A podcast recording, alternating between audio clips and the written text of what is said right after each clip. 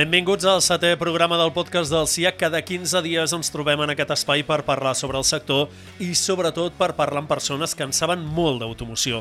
En el programa d'avui parlarem amb Xavier Riba, cofundador d'Innovae i director de l'Oficina de Catalunya. Xavier, benvingut al podcast. Moltes gràcies per comptar amb nosaltres. Benvinguts, com esteu?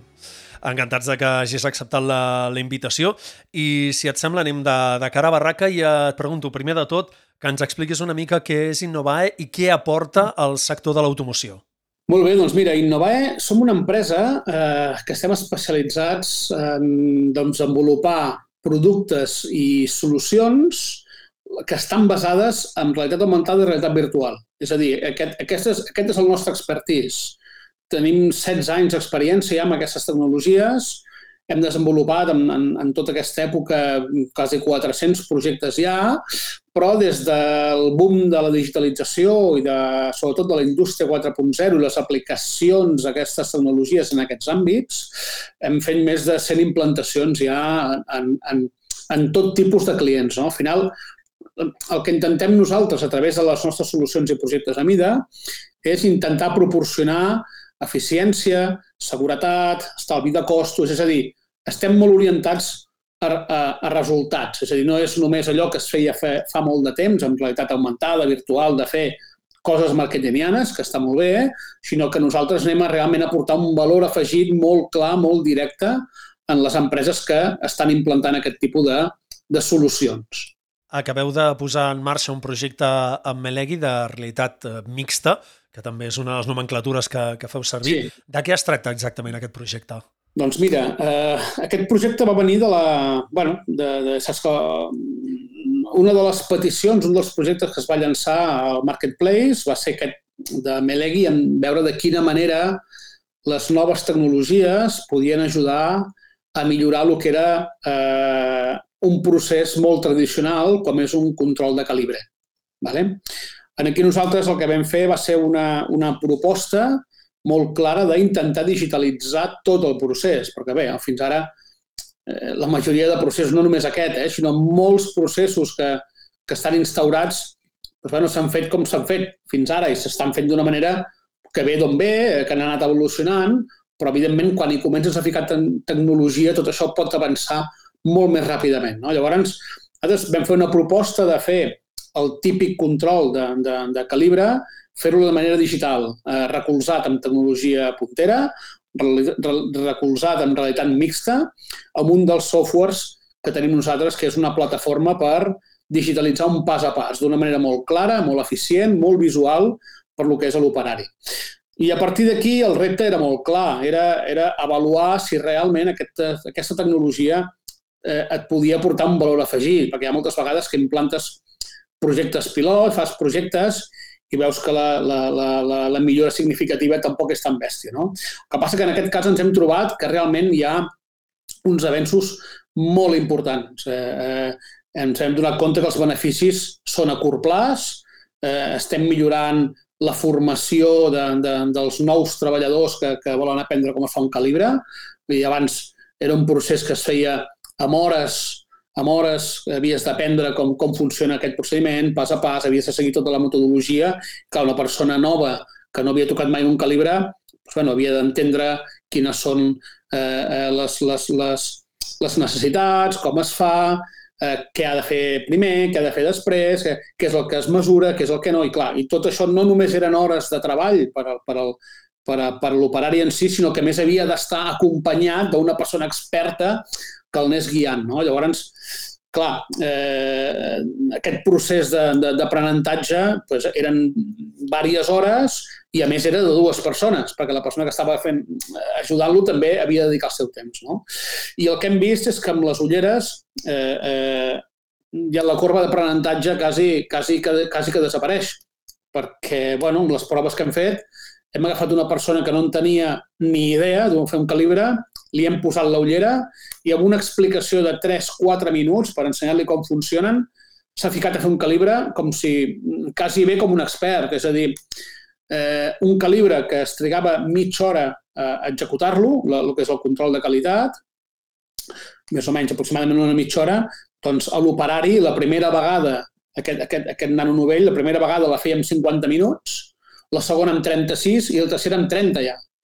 És a dir, que al cap d'una hora i mitja estava fent un calibre com un expert, amb l'avantatge de que, primera, seguir el mètode, per tant, assegurem la qualitat d'execució d'aquest control de qualitat, no és redundant, i segona, tot el que és, la, eh, que això veurem ara amb la, amb la segona fase, no? tot el que és la ingesta de dades també es pot fer de manera digital, per tant, reduiríem també la capacitat de fer, de fer aquest informe. No? Però el, el, que és més, el que és més significatiu per mi ha sigut la, la capacitat d'adaptació dels treballadors. És dir, sovint, quan, quan incorporem tecnologia a processos productius, la part més complicada sempre és la de les persones, perquè bueno, estàs ficant una, un llenguatge nou, una tecnologia nova, i les corbes d'aprenentatge i d'adaptació dels treballadors sempre, sempre és un factor molt, molt, molt clau, molt diferencial. Eh, nosaltres sempre ens agrada dir que la indústria 4.0 no només va de tecnologia, sinó que fonamentalment va de les persones com s'adapten a aquestes tecnologies. I en aquest cas hem vist que l'adaptació del treballador és rapidíssima, ho agafen amb moltes ganes, per tant, té un potencial molt bèstia. Doncs té, té molt bona pinta aquest projecte, sobretot pels resultats que, que comentes. Abans ho deies, heu desenvolupat més de 400 projectes amb tota l'experiència que, que teniu. Eh, entenc que no tots els projectes han estat de, del mateix perfil. Heu desenvolupat projectes amb altres empreses i, per exemple, de quin altre tipus n'heu desenvolupat?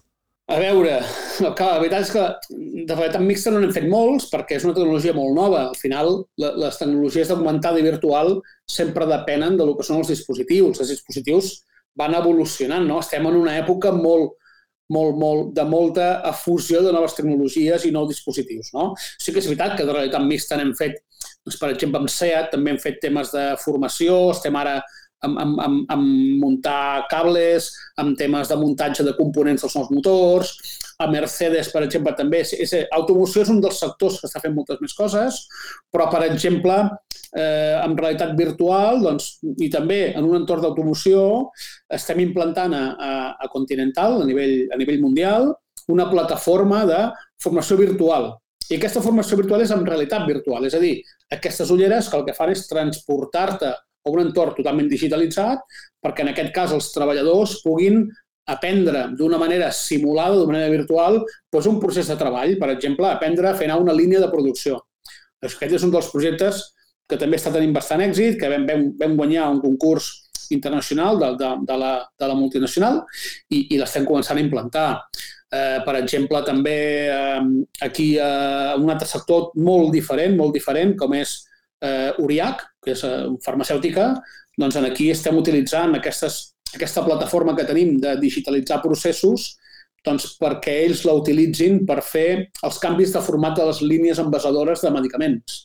Perquè al final, quan tu, està, quan tu tens la capacitat de digitalitzar un procés, aquest procés pot ser de control de qualitat, pot ser de manteniment, pot ser d'execució, pot ser de molts àmbits. No? Llavors ens estem, ens estem donant compte de que hi ha molta mancança en el món industrial de poder eh, donar aquest valor al treballador. No? Aquí es tracta de, de que les tecnologies no ens substitueixin, al contrari, que ens donguin una ajuda en el moment en què l'operari ha de desenvolupar una tasca. No? Llavors, que la realitat mixta és un dels dispositius.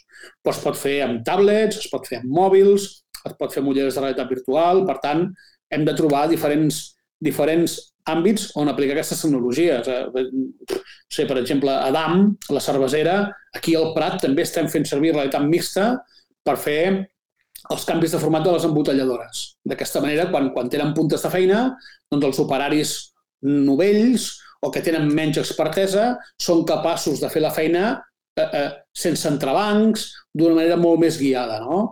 O en un altre tipus de sectors, com són fabricants de maquinàries de béns d'equip, doncs, que utilitzen plataformes d'assistència tècnica remota amb realitat augmentada per donar suport al client, per poder millorar tot el que són les, les postes en marxa. Vull dir que són, són tecnologies que, que, que, tot i que semblin molt noves, eh, com he dit, nosaltres hem, hem implantat més de 80 projectes ja.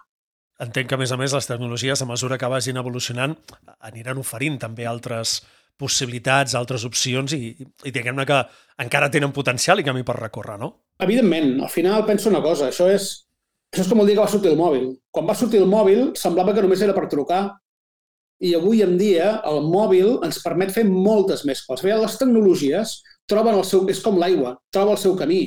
Quan tu implantes una tecnologia en una empresa, serveix per allò, però moltes vegades les empreses en el seu dia a dia acaben trobant-hi altres maneres d'aprofitar-les. No? Això que et deia de, de l'assistència remota.